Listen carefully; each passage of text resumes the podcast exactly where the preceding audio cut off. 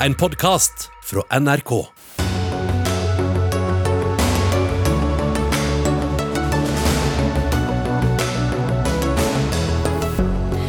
WHO ønsker ingen øvre grense for abort. Den norske abortloven er bedre balansert, sier lege.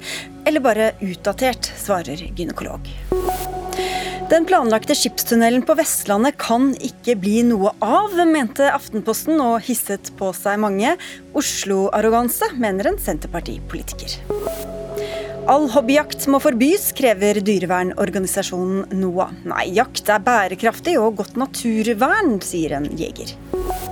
Og lange ventelister og dårlig kapasitet, det er tilbudet fra offentlige sykehus til dem som vil bli gravid med donerte egg. Vel møtt til Dagsnytt 18 denne torsdagskvelden, hvor vi også rekker innom både Russland og norsk gasseksport. I studio Sigrid Solund. Norge og andre land bør tillate abort når som helst i svangerskapet. Det ber Verdens helseorganisasjon om i nye retningslinjer. Regjeringen satte nylig ned et utvalg som skal se på den norske abortlovgivningen, og vurdere om grensa for selvbestemt abort skal flyttes fra 12. til 18. uke. Men eh, nå tar eh, altså WHO til orde for en kraftig liberalisering, bl.a. på dette punktet. Mette Løkeland, du er gynekolog, har tatt doktorgrad på abort og deltok nylig på den internasjonale abortkonferansen der dette var tema. Hva går de nye retningslinjene fra WHO ut på? Ja, første omgang så Hovedargumentet det jeg vil si, er jo det at Lover eh, regulerer ikke tilgangen til abort og bestemmer ikke hvor mange aborter som blir utført. Det eneste det gjør, er at det fører til at kvinner blir skada i den grad at de blir pressa over i illegale aborter. Så det er ett av argumentene. Eh, og så sier man at skal du få ned aborttallene, som jo alle av oss her i dag regner med å ønske, så må du til med andre tiltak. Du må til med prevensjon og øke tilgangen til å ta abort tidlig i svangerskapet.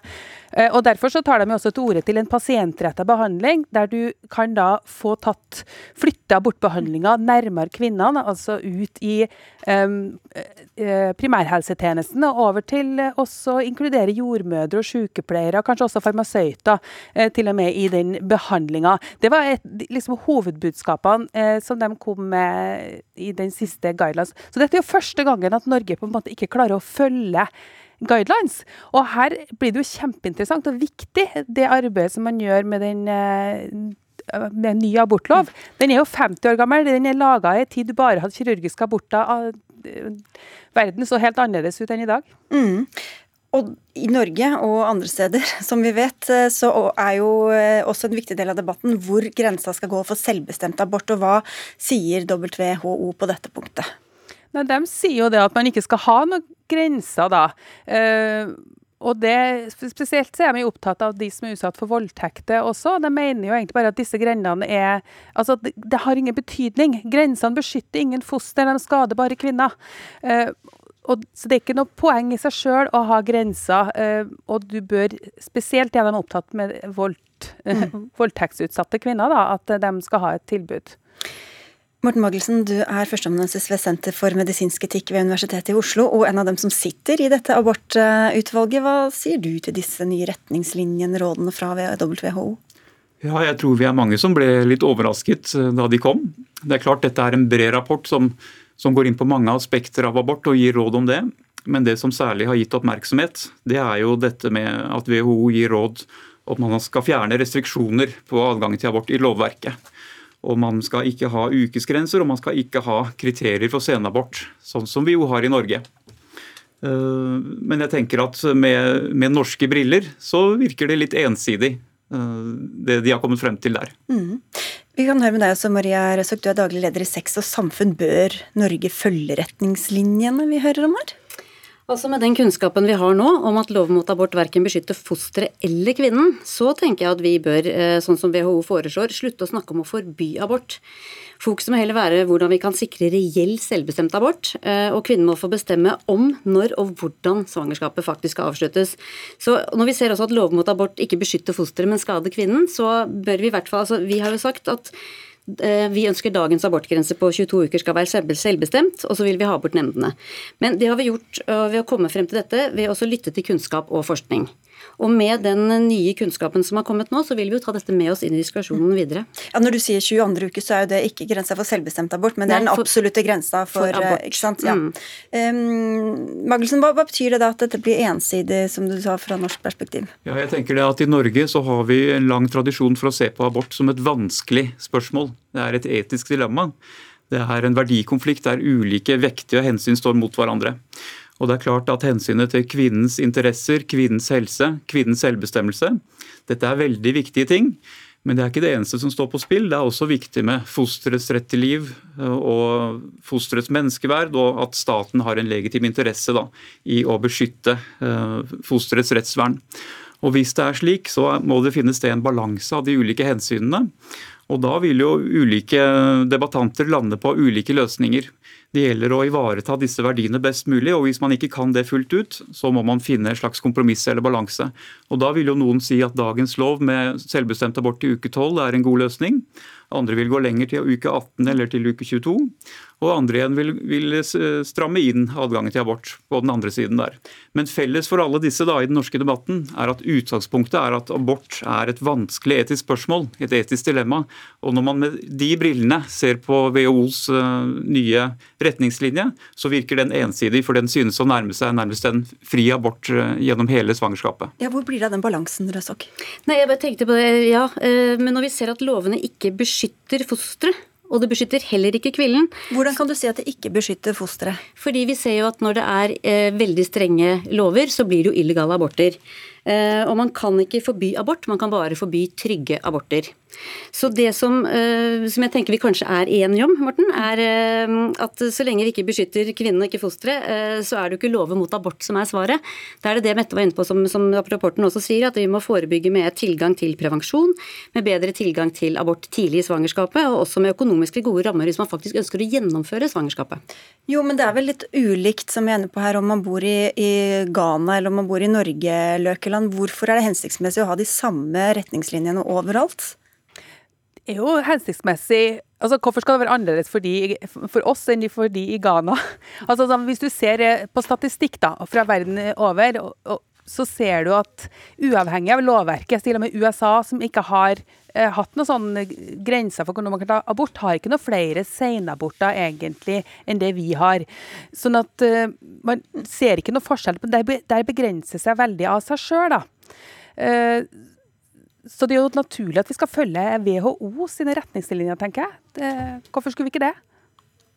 Ja, altså WHO er jo for hele verden, men samtidig har de en særlig oppmerksomhet om utviklingsland og problemene som er utbredte der.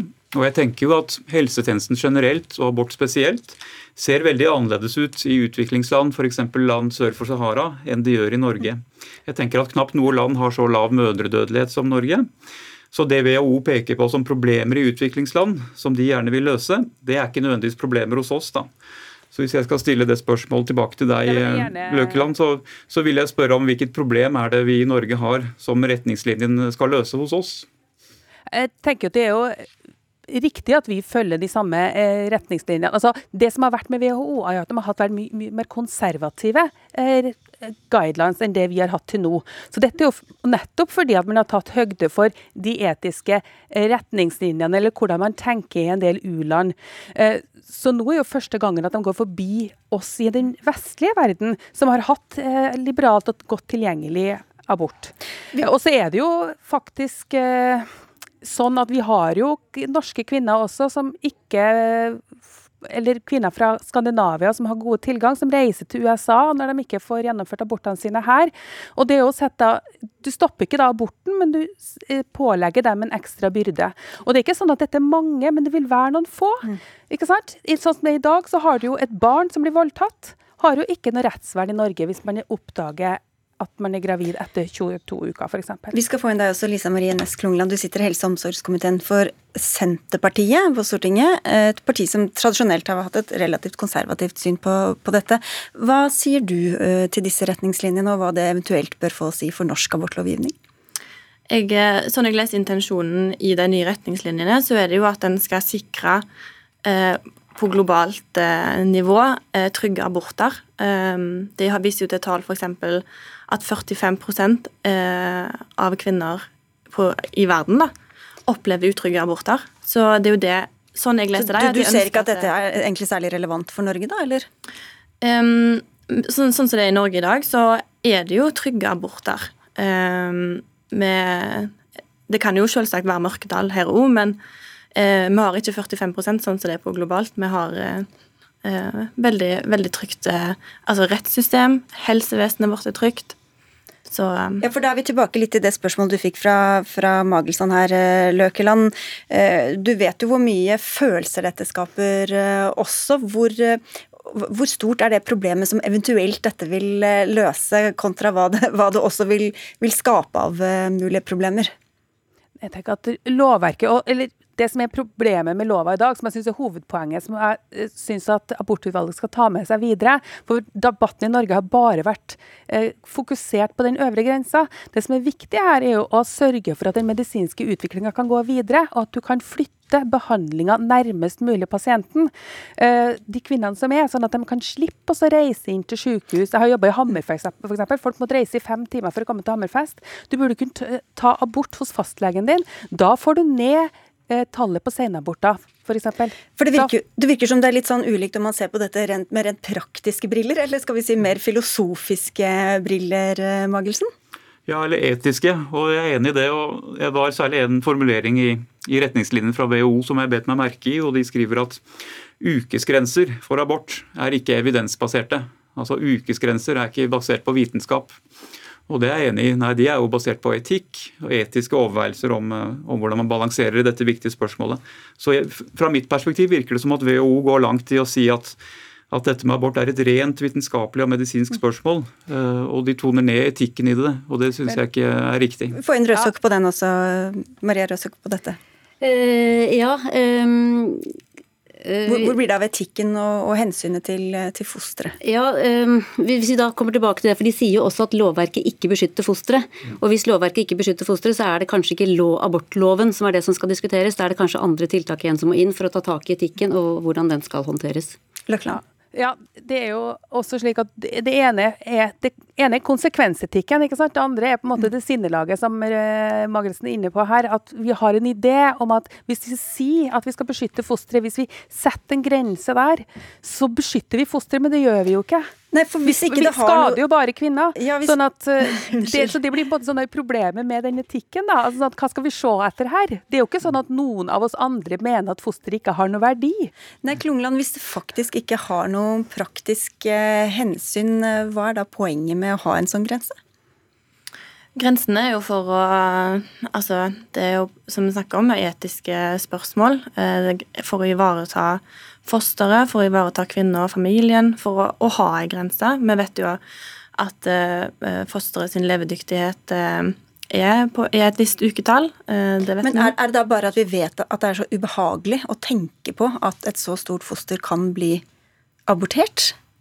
Altså dersom det, hvis, hvis WHO har rett, da, at det ikke har noe å si, det beskytter ikke fosteret? At Eh, jeg tror nok at det med fosterets levedyktighet handler ikke om det er ubehagelig eller ikke, men om fosteret har rett til å leve når det kan leve. da.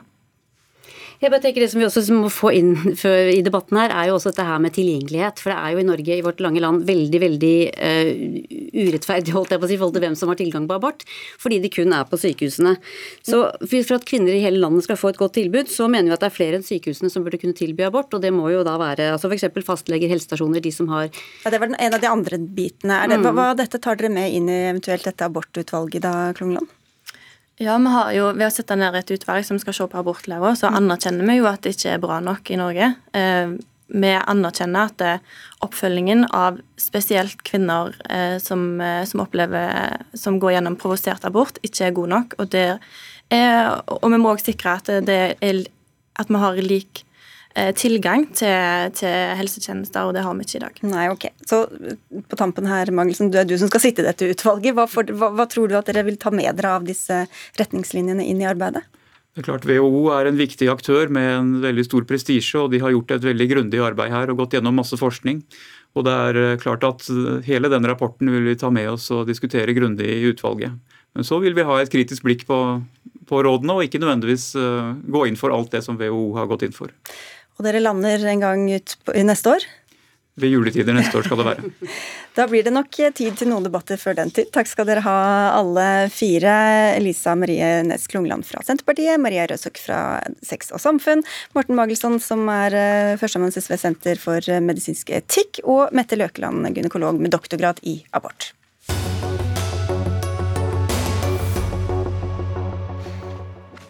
Går krigen i Ukraina mot et russisk nederlag, eller vil ukrainernes nylige seire på slagmarken føre til et mer aggressivt Russland? De fleste håper vel på det første, men spørsmålet er om det siste er vel så sannsynlig.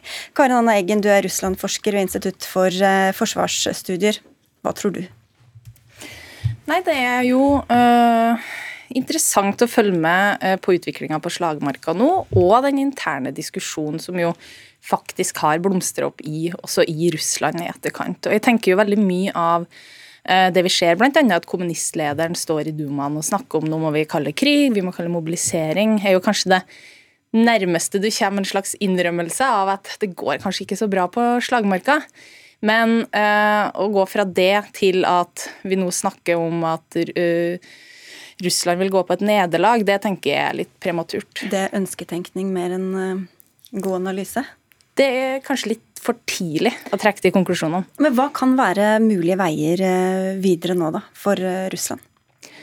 Nei, hvis du ser på kommunikasjon fra Putin og de rundt han, så er det jo han er i samtaler med internasjonale ledere, reiser til Usbekistan og snakker med, med, med Shipping og er Uh, gir jo altså ingen Kinas ja, leder? Kinas, ja. Uh, ja beklager. Uh, og, og, gir på en måte ingen inntrykk av at det her i hermetegn, da, spesialoperasjon i Ukraina skal avsluttes, og går jo langt ut i å si langt, tenker Det viser litt om den langsiktigheten. at det er og så kan du jo tenke om det er ønsketenkning på russisk side igjen, men at de, de overordna politiske målsettingene virker det jo å fremdeles tenke at skal oppfylles.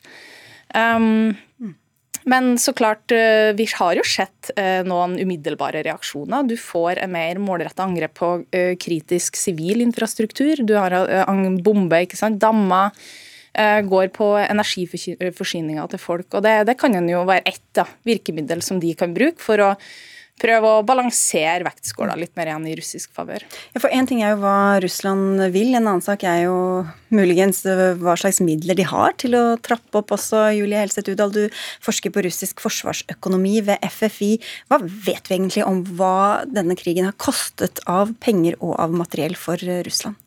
Eh, det er veldig vanskelig å gi gode anslag på konkrete kostnader eh, forbundet med krigen, også da materielltap. Eh, men det vi vet, er jo at det har eh, kosta for Russland. Um, det er også litt problem med datatilgang eh, om dagen eh, fra russiske offisielle budsjetter. Da. Men det vi vet, hvis vi ser på de fire første månedene i år og sammenligner de med tilsvarende periode i fjor, så så vi at forsvarsbudsjettet økte med rundt 40% i år. Så det gir jo i hvert fall en indikasjon på at utgiftene kommer til å øke. Opprinnelig så var det lagt opp til et lite budsjettkutt i år, men det ser definitivt ikke til å bli gjennomført som planlagt. Da. Og Når du sier problem med datatilgang, så er det rett og slett at kunnskap, eller fakta som Russland tidligere har lagt ut, det gjør det ikke lenger om ja, eh, Russiske myndigheter har vedtatt en midlertidig gradering av all informasjon som eh, omhandler utgiftsfordeling i budsjettet. Eh, det vil si at det ikke lenger er mulig å lese ut av jevnlige budsjettoppdateringer hva de faktisk bruker pengene på. Da. De nyeste tilgjengelige dataene vi har der, er fra april.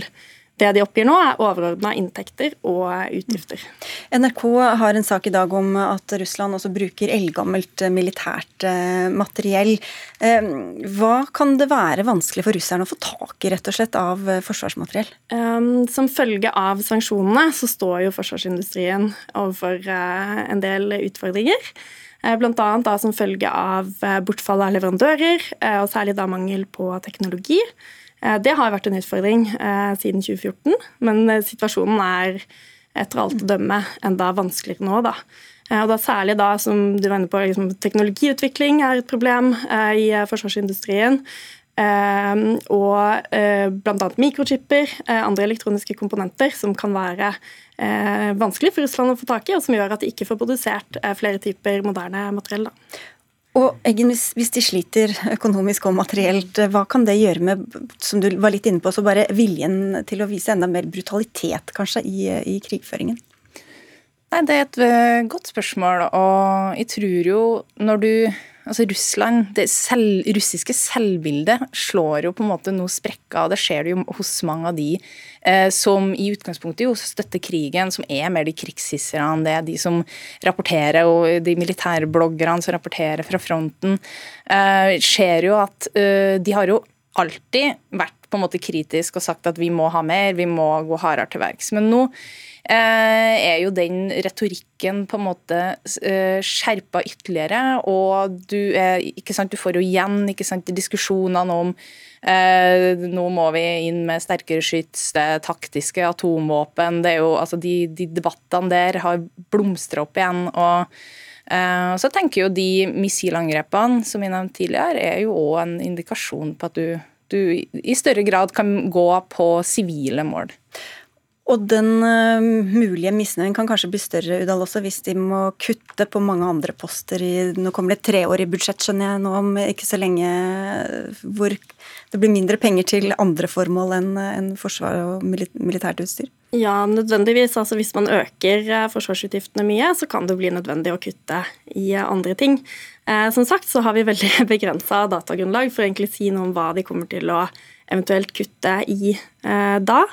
Eh, men det kan jo være nærliggende å tenke seg at istedenfor å kutte eh, på en måte i én spesifikk post, at man heller kommer til å spre det litt utover og kutte litt i flere forskjellige poster. Det kan være mange andre viktige offentlige oppgaver, som f.eks. helse, utdanning, samferdsel eller forskjellige velferdsordninger. Og så er det også viktig å ha med i bakhodet at Russland har tidligere vist vilje til å bruke mye penger på forsvar, også i mer økonomisk krevende tider. Da. Men hva, Hvordan står det til på inntektssiden, da?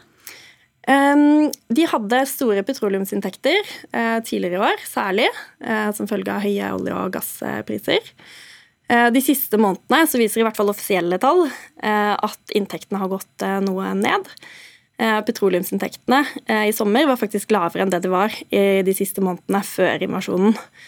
Eh, så det vil jo si at budsjettet går fortsatt med et lite overskudd, men det betyr jo at det ikke er gitt at vi vil se et overskudd eh, i slutten av året, da. Mm.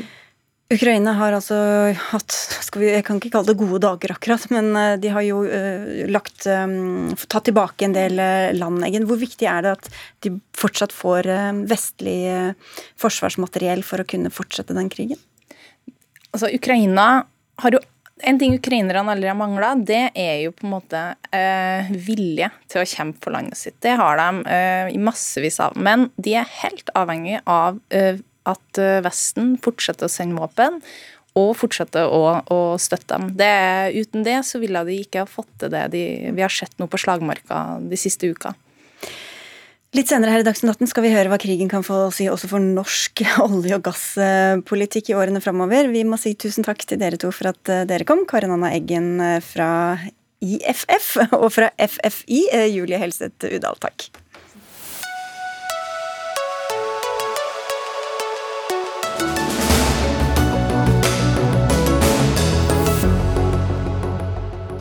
Ja, nå skal det spinkes og spares, det har regjeringa varslet gjentatte ganger.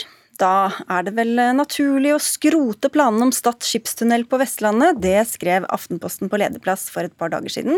Dette har skapt reaksjoner, bl.a. fra deg, Geir Inge Lien. Du er medlem av transport- og kommunikasjonskomiteen på Stortinget for Senterpartiet. Hva var det som fikk deg til å reagere? Nei, altså Det er forunderlig at lederen i Aftenposten finner akkurat dette prosjektet her, som skal berge eh, norsk økonomi. At det skal liksom eh, ta inn besparelsen på statsbudsjettet. Eh, han kan jo si at Stad skipstunnel utgjør litt mer enn overstigelsene på Fornebubanen.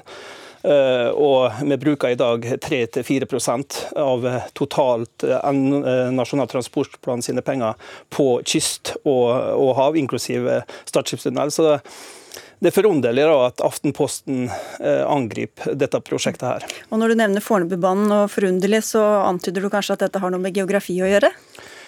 Ja, jeg skulle gjerne likt å invitert Aftenposten ut langs kysten for å se eh, hvordan hverdagen egentlig er, og hva slags stor verdiskapning. For dette her er virkelig eh, viktig for eh, både den maritime, marine næringa langs kysten. Eh, så, og det er noe som jeg har et inntrykk av at helt fra sør til nord så er det alle som heier på dette prosjektet her nå. For det, det er tross alt et av verdens hardeste havstrøk å passere. Det er slik som vi kjenner det, omtrentlig kan vare opptil 100 stormdøgn i året. Mm. Så dette her er egentlig Og da ligger båtene og stamper og venter, og det er et godt miljøprosjekt i tillegg. Så, så Stad skipstunnel er et godt prosjekt for næringsliv, for å skape regional utvikling. og ikke minst òg for miljøet. Hvorfor vil dere da skrinlegge det, Andreas Slettholm, kommentator i Aftenposten? Uh, nei, det er fordi uh, det er et uh, prosjekt som ikke hvor nytten overhodet ikke overstiger den kostnaden. Det er riktig det at samferdselsbudsjettet er altfor stort, og at det er veldig mye mer enn Stad skipstunnel som bør kuttes derfra, men det er jo ikke noe argument for å bygge Stad skipstunnel. Eh, og, og, og, så er det sånn at dette prosjektet har nå vært uh, forsøkt fått gjennom i snart 40 år med fors forskjellige begrunnelser. Eh, sikkerhet, eh, turisme, hurtigbåt mellom Bergen og Ålesund. Og hver gang man har eh, sett at det egentlig ikke er grunnlag for det argumentet, så finner man, finner man, nye argumenter. Og uansett hva spørsmålet er, så er svaret Stad skipstunnel. Så derfor er det et godt eksempel. I tillegg til at det er oppstart neste år. altså mye av, det annet, mye av det andre jeg har skrevet om tidligere, at jeg gjerne vil kutte fra samferdselsplanene. Det er jo ting som ligger lenger fram i tid. Men kutter du Stad skipstunnel, tunnel kan du sannsynligvis spare 400-500 millioner kroner neste år. Og det er jo penger det også, i en tid når din egen partifelle finansministeren har sagt at nå må vi spare. Det er mye penger, men det er klart, det som, det som er her nå, det skaper verdier. Det skaper framtidig eh, økonomisk vekst langs kysten. Og ikke minst så er det her ikke i hensyntatt tatt eh, verdiskapninga av fiskerinæring og havbruksnæringa tatt med i beregningene på, på kost-nytte når det gjelder Stad skipstunnel. Så det er mye som ikke er tatt med her, som burde ha vært tatt med i de vurderingene for å rettferdiggjøre et sånt prosjekt. Og det er ikke bare når det gjelder Stad skipstunnel, men det er stort sett mange av disse her nå, veiprosjekter som som vi ser ute i distriktene, så blir vi møtt med ÅDT, at det er for lite folk som kjører på der. Men det blir ikke i hensyntatt næring og næringstransport og næringsutvikling. Og det er denne regionen her, kysten, veldig stor på. Eh, det drar nasjonen Norge godt av. Dermed så bør kysten og distriktene òg få sin rettmessige del, sånn som vi ønsker at òg store byer skal få. Ja, Det er jo problemet. da, at alle, Så lenge alle får altfor mye, så er alle fornøyde. ikke sant? Og Det er jo det som har vært problemet i norsk samferdselspolitikk eh, de siste 15 åra. Så har altså samferdselsbudsjettet økt mye mer enn noe annet budsjettområde i, i Norge, målt i prosent. Og når vi nå går inn i trangere tider, så er det et helt åpenbart sted å kutte. og Derfor mener jeg at det bør kuttes på Nordvestlandet, bør kuttes i Oslo og bør kuttes andre steder. Men hvordan vet du at dette ikke kan bli lønnsomt, da? Nei, altså Alle uavhengige utredninger siden starten av 90-tallet, øh, når man har forandra konsept, øh, har vist øh, det samme. At dette er en investeringskostnad som ikke forsvarer seg. Og nå er det altså sånn at den skipstunnelen som du har laget nå, den er dimensjonert for at Hurtigruten skal kjøre gjennom der. Hurtigruten sier dette er ikke et godt prosjekt for oss. Vi vil altså Seilingstiden vår vil øke, risikoen for ulykker vil bli høyere. og jeg tenker at Det i seg selv er illustrerende for hvordan forkjemperne for Stad skipstunnel eh, tydeligvis ikke har Det finnes ikke noe argument som kan overbevise dem om at dette er en dårlig idé. Har dere lest disse utredningene, Lien? Ja, og jeg må bare få lov til å si at eh, når det blir sagt at det er stor del av eh, kaka bør kuttes nå på Nordvestlandet. Altså 3-4 av hele Nasjonal transportplan sine summer går til kyst og det er hele kysten. Og så vil en kutte på det 3-4% i tillegg, og der inne ligger Stad skipstunnel. Da syns jeg at det, det Jo, men blir... hvis du ser på hvert enkelt prosjekt for seg, hvordan, hvor, hvor, hvor får du det fra at dette faktisk er eh, et lønnsomt prosjekt å investere i? Altså Det får vi ifra næringsaktører. Vi kan bare ta de som transporterer levende fisk, og det blir mye mer av. Det har Nasjon Norge sagt at vi skal satse på. Vi skal ha en femdobling av oppdrettsnæringa langs kysten. Levende fisk blir transportert. Er, Selv om utredningene sier noe annet? Dette her er et fiskevelferdsprosjekt. Altså Fisken blir sjøsjuk til å gå i store bårer og sjø, og det må ligge på vent. Det er et godt miljøprosjekt. Store båter, Hurtigrute og mange andre de må ligge på været og vente. Men Hurtigruta vil jo ikke bruke den. Hvor, altså, Nei, hvorfor, hvorfor gjelder kystruta, så er det andre selskapet De er sagt at de vil bruke det. Eh, det blir et eh, fenomenalt prosjekt, turistprosjekt. Det er, det er mange som sier at dette her, og jeg tror nok det at Hurtigruten òg velger å bruke tunnelen i stedet for å ligge og vente på været, fordi at de skal passere det mest værharde havstykket i verden. Det er lett å sitte i Oslo og peke mange mil unna Slettholm? Ja, det er eh, lett, det. Men det, vi må liksom litt bort fra denne diskusjonen hvor, enhver, hvor ethvert argument som kommer fra Oslo, blir møtt med at det kommer fra Oslo. Det er, det er, eh, det er sånn at alle uavhengige utredninger gjennom veldig lang tid har vist at dette er et veldig dårlig prosjekt. Og at um, altså sikkerheten til sjøs blir jo stadig bedre. Båtene blir større. Eh, det er værart utenfor startlandet, men eh, eh, skipsfarten klarer det stadig bedre. Så Derfor er behovet mindre og mindre. Hvor, hvor må man være lokalisert for å få mene om samferdselsprosjekter langs kysten, Lien? Nei, altså, jeg tenker at eh, altså, Han må gjerne komme hit. og Jeg tror Aftenposten har hatt veldig godt å, og tatt turen ut fra Oslo og ut eh, langs eh, landet vårt og sett litt mer enn de gjør. Fordi at her er det virkelig et stort behov for denne tunnelen. Altså, det er vår jernbane langs kysten vil bli. altså Det er riksveien. Her kan du på en måte ta hurtigbåt nå ifra Molle, Ålesund og helt ned til Bergen. Du kan ha delstopp. Det vil være viktig for næringslivet å kunne få sendt varer og slippe å ligge og stoppe og vente på været, eller ha andre, andre transportformer som på vei som er, er overbelasta fra før. Så jeg, jeg, tenker at dette her er et kjempeprosjekt eh, som, okay, som det er nesten et helt enstemmig storting gikk inn for. Nei, eh, jeg, som sagt, er, eh, jeg, jeg, forstår jo at jeg ikke kan eh, overbevise forkjemperne om, om, dette. Fordi det har vært møtt med motargumenter nå i snart 40 år, og nå er man like ved mållinjen, så jeg forstår at det er provoserende.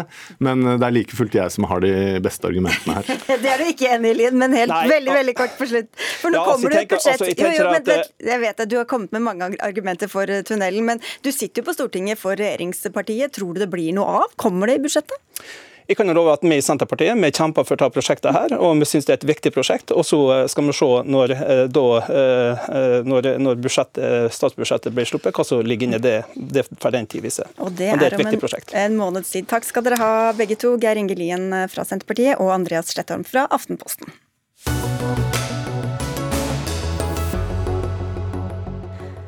Hva bør norske olje- og gasselskaper gjøre for å sikre stabile leveranser til Europa, og kanskje til og med få prisene ned? Det var eh, tema for et møte mellom regjeringa og de største norske selskapene i bransjen i dag. Den siste tiden har Norge vært under press fra EU, som ønsker tiltak for å få gassprisene ned. Og hvordan kan dette påvirke Norge, Terje Erikstad? Du er uh, utgavesjef i Dagens Næringsliv, er det riktig tittel? Finansredaktør, ja! Det var helt feil, som det sto i vårt arkiv. For en fornærmelse. Nei da, det går så bra, så. Eh, jo, det er jo en ekstremsituasjon vi har nå i Europa. Eh, på den ene siden så er det helt avgjørende for EU at Norge produserer den, all den gassen vi kan produsere. Vi produserer nå så langt i år 11% mer enn i fjor. Eh, og det er mer enn prognosene eh, tilsa, så det er liksom utrolig viktig. Og så har jo det, denne knappheten på gass ført til så høye priser at de EU-politikerne må gjøre noe. Og Det er derfor dette presset mot Norge for å prøve å altså, få solgt At de vil at vi skal selge den gassen til en billigere penge. Eh, og Det er på en måte eh, det presset som, står, som Norge står i. da, På den ene siden som en stabil, eh, trygg leverandør, og på den andre siden en leverandør som nå tjener så mye penger at presset er at folk reagerer, da. Og Hva slags kontrakter er det da snakk om at norske selskaper eventuelt skal inngå? Ja, altså, Det er interessant. Historisk så er sånn vår gassleveranse til Europa bygd opp på langsiktige kontrakter. Og er Logikken bak det er jo veldig enkel. at Hvis du først skal bygge en lang rørledning og sende gassen ned til kontinentet, så må du være sikker på at noen er i andre enden og vil kjøpe den. Og når det først var etablert, så var det EU som ville fjerne denne, eh, disse statlige, eh, kontrollerte eh, gassprisene. Og eh, nå er det jo ønske om å kanskje sikre den type stabile kontrakter, men det er jo ikke så lett. Fordi eh, hvis man skal inngå en langsiktig kontrakt nå, så vil den prisen være høyere enn den man vanligvis er vant med. Ikke sant? Det gjelder å finne riktig pris som skal vare. Hvor mange, hvor lang, mange år er det snakk om disse kontraktene? Nei, altså, Det er det for så vidt ikke noe fasit på. Det kan være øh, fleksibelt, det. Men problemet er at øh, du må være sikker på at de som er i den andre enden, øh, faktisk kan betale. Gjøre opp for seg. Mm. Og før jeg kom inn i studio her, så kom det melding eh, om at eh, tyske staten er i, i forhandlinger om å overta de tre største gassimportørene i Tyskland fordi de er i ferd med å gå konkurs. Se her, siste nytt får du i Dagsnytt 18 gjennom ja, Dagens Næringsliv. Hildegunn Blindheim, du er administrerende direktør i bransjeorganisasjonen Offshore Norge, tidligere Norsk olje og gass. Equinor og noen andre store olje- og gasselskaper var med på møtet i dag. Norge er jo en storeksportør av gass til EU og Storbritannia. Hva slags avtaler kan bransjen være villig til å gå med på? Det selskapene sier er jo at de, de, kan, de, kan, jo gå i dialog med de som kjøper med slike langsiktige kontrakter. Men akkurat hvordan de innrettes, det må nesten selskapene og da som selger, og kjøperne som kjøpere eh, ha en god dialog på. Eh, vi er jo en bransjeorganisasjon, en interesseorganisasjon, men den type markedsting er det jo ikke vi som går inn og verken regulerer eller mener noe om. Men du har jo tett kontakt med dem. Hva tror du, Er det bare kommersielle hensyn som skal telle, eller kan norske selskaper være villige til å gå om på avtaler som kanskje vil gjøre at man ikke tjener optimalt, men bidrar til dette eh, stabile forsyningen som alle er opptatt av? Det er rett og slett vanskelig for meg å kommentere på, fordi vi sitter ikke inne i dette. Den, den dialogen må nesten selskapene ha med, eh, med kjøperne i Europa. Eh, og så er jo spørsmålet som, eh, som forrige eh, sa også, at sant, dette må de vurdere. For det er jo en, det er plusser og minuser med langsiktige kontrakter. Det var mye av dem før. Nå er vel omtrent halvparten på det som kalles spot-markedet. Og det er fremdeles en del lange kontrakter der ute som, i Europa og mellom, kjøp, mellom våre selskap. Men, men ja. Det kan, jo ikke jeg svare på. Det er nettopp det de er nødt til også, å ta en diskusjon på selv. Og det skal de jo gjøre fremover nå. Men eh, Andreas Bjelland Eriksen, du er statssekretær i Olje- og energidepartementet og var med på møtet i dag.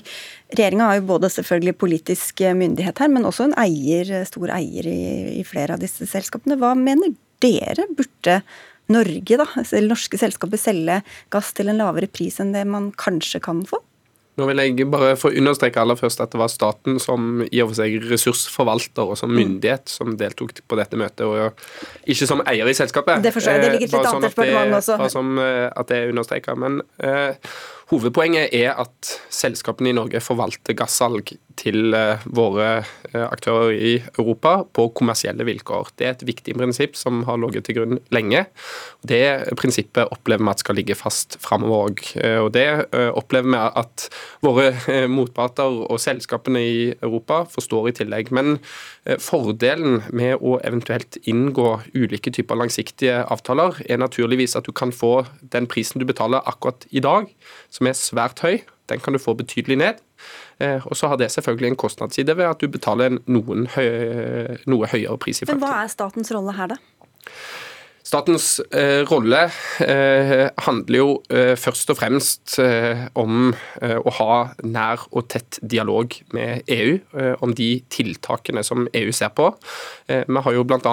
satt ned en task force sammen med EU som skal utarbeide godt beslutningsgrunnlag for å bidra til å stabilisere energimarkedene i Europa. der kan Norge spille en viktig rolle. Vi er nå Norges, Europas største leverandør av gass. Eh, og Da er det òg viktig for oss eh, å ha tett og nær dialog med, med selskapene for, for, å se på hvordan staten kan bidra. Erikstad, du, du, sa jo den nyheten fra Tyskland her, men ser vi en større politisk kontroll av dette markedet framover nå? Ja, Det er det ingen tvil om. Det, I Frankrike har allerede staten eh, si, besluttet å overta den største eh, produsenten av strøm i landet, som var sånn ble børsnotert. og Staten var stor eier, men nå skal staten overta 100 eh, det, det vi ser nå, er jo at energisikkerhet er blitt helt ekstremt viktig. Altså det er det myndighetene nå er, er opptatt av. Hvordan sikre tilgang på energi, sånn at man håper å si, eh, holder samfunnet i gang. Og da er da er det en sånn situasjon at, at gamle dogmer, da, som at man trodde på at markedet skulle fikse alt, det står for fall, da. Hva kan det gjøre med hvordan selskapene selv tenker, og hvilke vurderinger de gjør, Blindheim?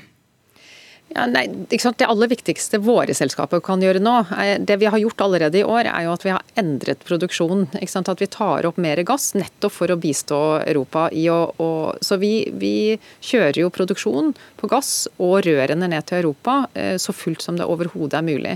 Så Vår viktigste oppgave som sektor er jo rett og slett det å greie å opprettholde den høye produksjonen. Det vil bidra til energisikkerheten i Europa. og, og på litt på mellomlang og lang sikt så må vi jo få bygget ut veldig mye mer eh, energitilførsel for å bedre sikkerheten. Eh, men at EU ser på alle mulige måter for å da både hjelpe sine innbyggere og, og, industrien sin. Det forstår vi jo, men vår viktigste oppgave er å få fram den gassen, og all den gassen vi kan greie i denne kritiske situasjonen. Så vi skal altså pumpe opp mest mulig Eriksen, samtidig som vi skal snakke om dette mye omtalte, eller holde på med dette grønne skiftet, såkalte grønne skiftet. Hva, hva sier du, er dette først og fremst et argument for å satse på mer gass og olje, eller å gjøre oss mindre avhengig av det?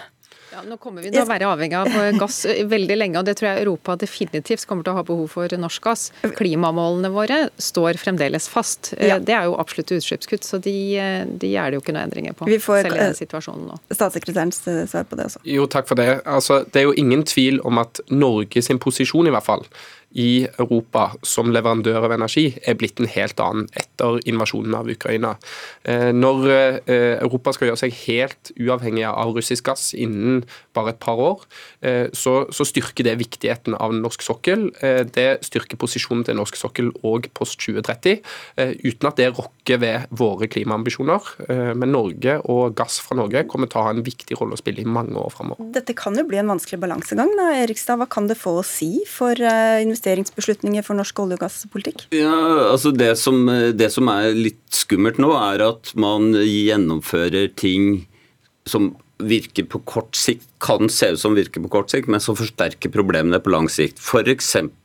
presset for å få ned eh, maksprisen på gass. Altså Det som vil skje da, er at det vil bli produsert mindre gass i tiden fremover. Og nå eh, kom det en fersk analyse fra Rysta Energy, som er et norsk eh, konsulentselskap, som påpeker at det EU har foreslått overfor fornybar energi, også der skal de sette pristak, sånn at ikke fornybarprodusentene tjener for mye. Det kan også svekke investeringsviljen i ny fornybar kraft. Eh, og det vi trenger, er jo mer energi absolutt mye mer fornybar energi fordi man skal gjennomføre det grønne skiftet. Så derfor er det liksom, Jeg skjønner jo at politikerne er i en veldig krevende situasjon når det blir så ekstreme priser som det blir nå. Men det er litt skummelt å koble ut disse prismekanismene. Det har vi sett i den norske strømdebatten òg. Folk vil ha eh, billig strøm, men de vil ikke ha vindkraft, f.eks. Altså, vi må produsere rett og slett mer energi for å løse dette problemet. Mm. Blindheim, når eh, tror du vi kan se noen eventuelle kontrakter? Av langsiktige kontrakter. Nei, nå, nå, er det jo allerede en del langsiktige kontrakter. Eh, og Så får selskapene jobbe videre med sine, eh, sine kunder. og Så får vi se hva, hvordan dette går videre. Takk skal dere ha i hvert fall alle tre for at dere var med i Dagsnytt 18. Terje Erikstad, finansredaktør i Dagens Næringsliv. Andreas Bjelland Eriksen, statssekretær i Olje- og energidepartementet. Og Hildegunn Blindheim, administrerende direktør i Offshore Norge.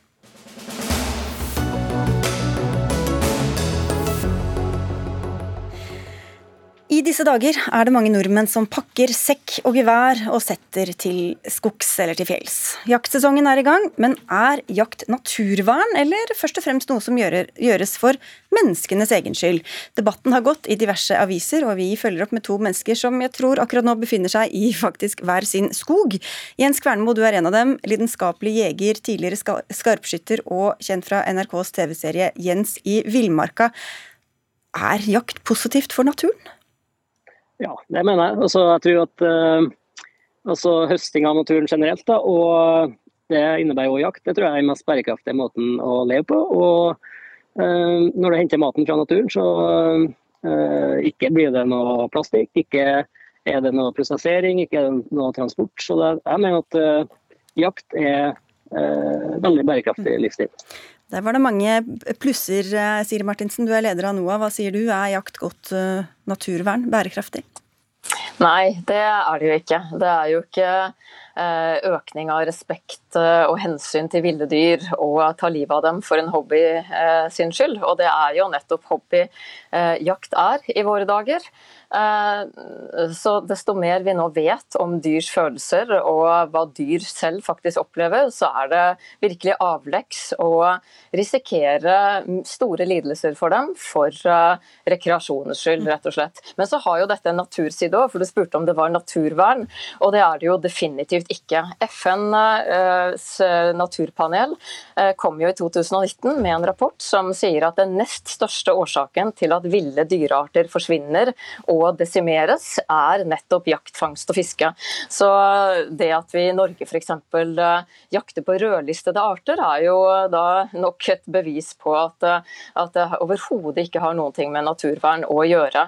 Og denne ideen om at vi alle liksom skal kunne uh, leve bærekraftig ved å uh, jakte, den faller jo på sin egen urimelighet. Vi vet jo at uh, hvis man måler biomassen av pattedyr i verden, så er ville dyr til sammen bare 4 Mennesker utgjør 36% og dyrene, spesielt i kjøttindustrien, da, som er under vår kontroll, de utgjør 60% Og Det sier seg da selv at om alle skulle um, spise ville dyr, så hadde vi jo spist opp dem i en jafs.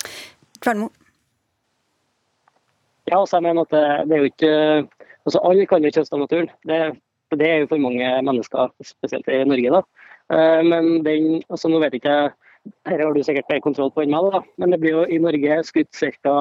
50 000 hjort og 30 000 elg, og det er ganske mange tonn med kjøtt. da, Og den må jo erstattes på en måte. Altså, Du får jo ikke jegeren til å bli vegetarianer.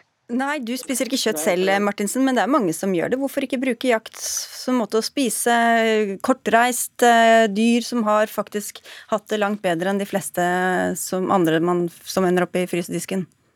Ja, som, som, vi da tydeligvis er enige om her, da, så er det jo en illusjon å tenke seg at det skal erstatte eh, kjøttforbruk. Eh, fordi at eh, det kjøttforbruket er såpass høyt. Men noe, noe erstatter det jo? Nei, gjør det det? Eh, jeg har ingen statistikk som viser at eh, forbruket av dyr i industrialisert husdyrhold går ned desto mer vi jakter. Eh, jeg regner med at begge deler dessverre har vært på vei opp en stund. Men altså det, det er det ikke grunnlag for å si. Men jeg syns også det er ganske viktig her å, å komme inn på forståelsen av økosystemet. Fordi jakt bidrar også til et ganske forvridd natursyn. Altså Man eh, tenker at det er nødvendig å jakte, at det er nødvendig at vi mennesker skal inn og regulere ville dyr. Det er en veldig skadelig tanke som nettopp har ført oss inn i naturkrisen. Og for da Når det gjelder hjortedyr, så sier man at det er mange av de. Ja, men hvorfor er det mange av de? Jo, det er fordi at man både driver jakt og skogbruk på en måte som gjør at det blir mange av de for at noen okay. ønsker å jakte på dem, samtidig som vi da holder truede rovdyr nede. Vi, vi må få inn Kvernmo her også på det. Altså, vi, vi sier at vi regulere bestander, men så er det vår egen skyld at de bestandene kanskje er ute av kontroll?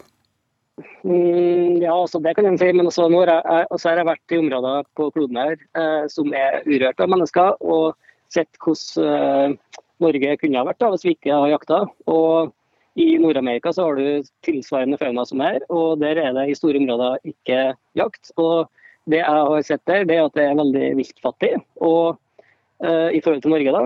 I Norge er mye mer vilt enn det er i Nord-Canada. og det er Av antallet vilt så er det en høy prosentandel av rovdyr. Eh, både eh, bjørn og ulv, jerv og gaupe.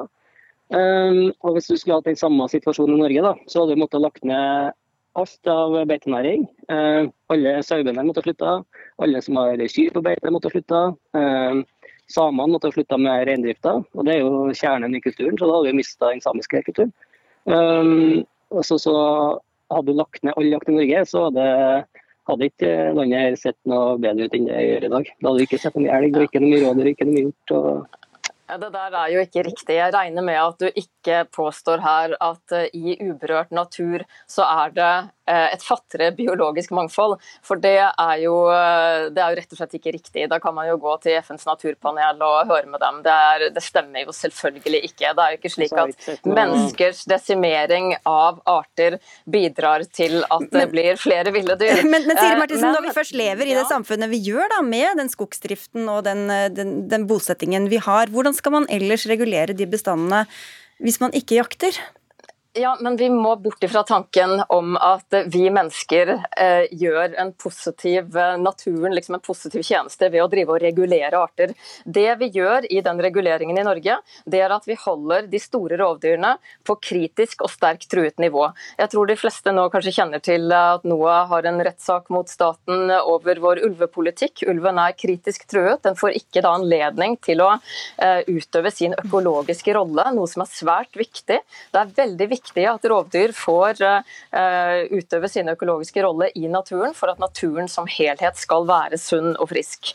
Men det har vi altså da forhindret i Norge ved en utrydningspolitikk. Og dette henger jo sammen nettopp med f.eks. jaktinteressene, som da ønsker å ha hjortedyrene for seg selv. Så det er en større sammenheng her, så vi kan liksom ikke si at, uh, at vi mennesker må regulere. Nei, det, den måten vi regulerer på, den fører til en eh, kunstig natur som okay. ikke er sunn. Da skal du få kommentere til slutt, eh, Kvernmo. Um, delvis enig. Også jeg tror Rovdyr er jo veldig viktig for uh, dyrene vi har i Norge, for å plukke ut de syke og skada dyrene. Um, samtidig så må vi jo ta standpunkt i hvordan det ser ut i dag. Da. Og uh, Hvis vi ikke høster av naturen i dag, så vil vi vil spesielt hjortedyrene komme helt ut av kontroll. Da. Så det tror jeg ikke er bra. Jeg må si takk til dere begge. Jens Kvernmo, helt synlig med fra skogen for dem som følger oss på TV. Siri Martinsen er omgitt av trær, det er bare utenfor eh, trepanelet. Takk skal dere ha begge to for at dere var med i Dagsnytt 18.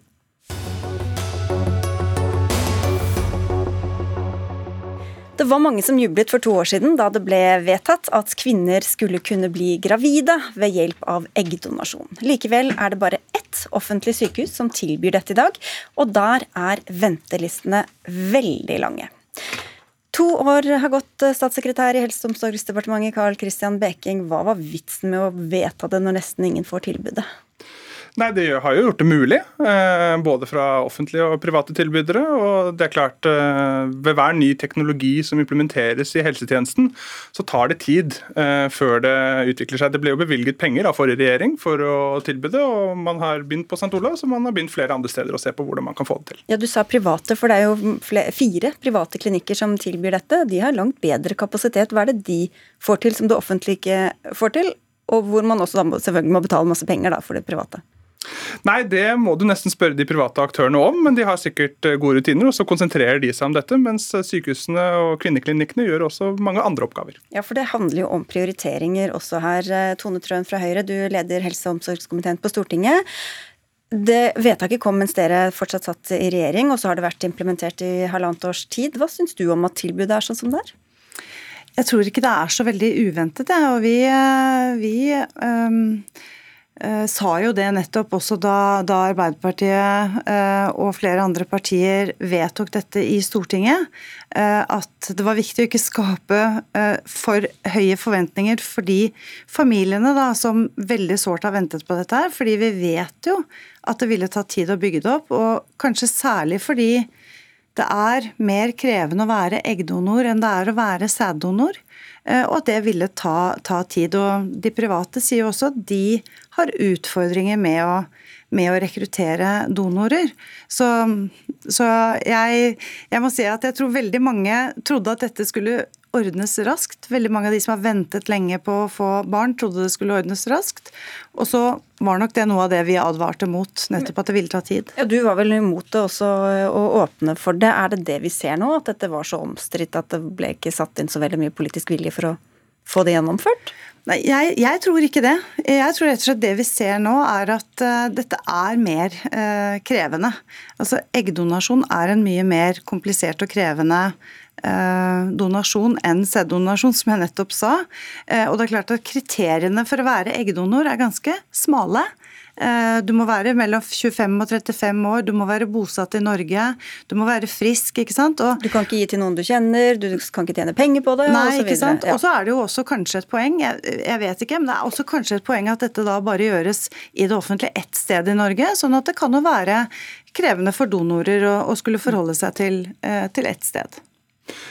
Ja, og mitt poeng er da at eh, Ved enhver ny teknologi så vil det ta tid å innføre det mer gjengs. I Finland har man hatt det en stund, og der er jo tallet av donorer høyere. og det syns Trøen peker på noe viktig, at det må være frivillig.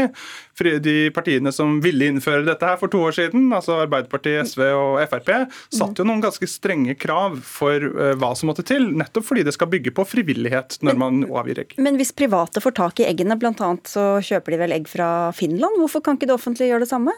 Det offentlige også anledning til å skaffe egg fra de nordiske landene. De gjør det jo ikke. Eh, jeg kjenner ikke til hvilken omfang de gjør det, men, eh, men de har anledning til å gjøre det.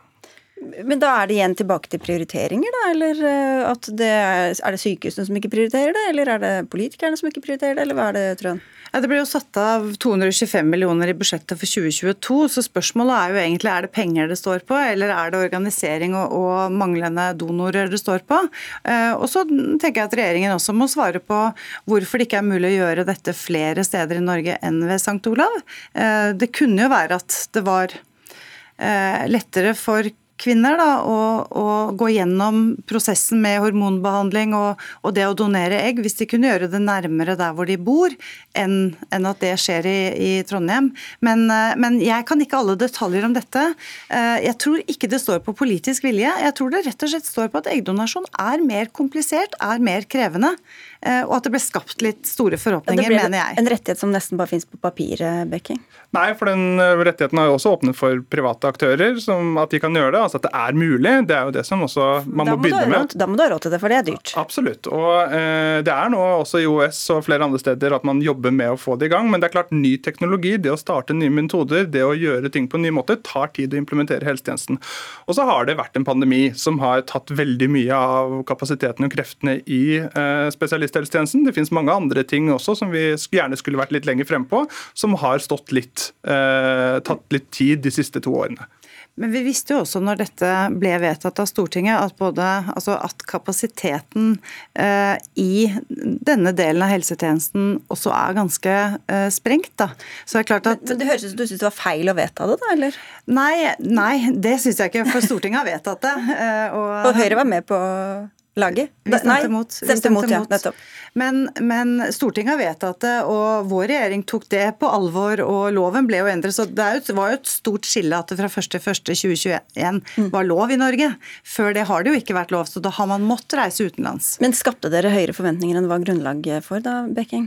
Nei, jeg tror Stortingets flertall var ganske tydelig der på at dette er eh, noe som må rammes inn, eh, fordi man skal sikre at det er frivillig, at det ikke skal være eh, mer enn en ganske nøktern kompensasjon, og at de rettighetene vi forventer ved donor til donorbarn, altså barns rettigheter til å kjenne identitet, også må ligge fast. Og det er klart, eh, Da er man også ærlig på at det, eh, det står til og med i innstillingen i Stortinget at det kan skape utfordringer for tilgangen, men det må være sånn at vi må balansere rettigheter når vi innfører nye. Og så er spørsmålet skulle vi da ikke innført de? Det mener jeg blir helt feil. Eh, når vi da gjorde det for to år siden, så skapte vi en mulighet. Den er nå i ferd med å utvikle seg. Det er flere kvinner som får det. Og se på Finland, de har hatt denne rettigheten lenger enn oss, og der har de da også flere kvinner som har lyst til å gi egg. Men jeg eh, ser jo at noen av de private kjøper jo egg fra, fra andre nordiske land, som, som, programlederen også sa. Eh, men det er jo viktig å understreke at de samme kriteriene gjelder. Sånn at også når man kjøper f.eks. egg fra eh, Finland, så gjelder jo de samme kriteriene som om det var norske kvinner som donerte. Så det er klart at dersom regjeringen ønsker å, å f.eks. øke dette tilbudet, så må man jo da se på om man skal skal gå den veien også for offentlige sykehus, og om det skal gjøres flere steder. Ok, Veldig kort på det, Bekking. Ja, Sykehusene er nå i en situasjon hvor de også må ta inn veldig mye av utsatte behandlinger etter pandemien. Det er mange oppgaver de skal gjøre, bl.a. innenfor psykisk helse, så vi kommer ikke til å legge noe eget pålegg her. Nei. Men dette er i gang, og det utvikler seg nå stadig.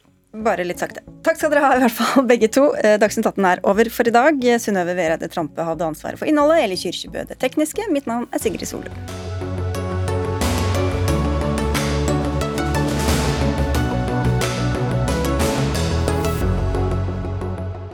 Du har hørt en podkast fra NRK. Hør flere podkaster og din favorittkanal i appen NRK Radio.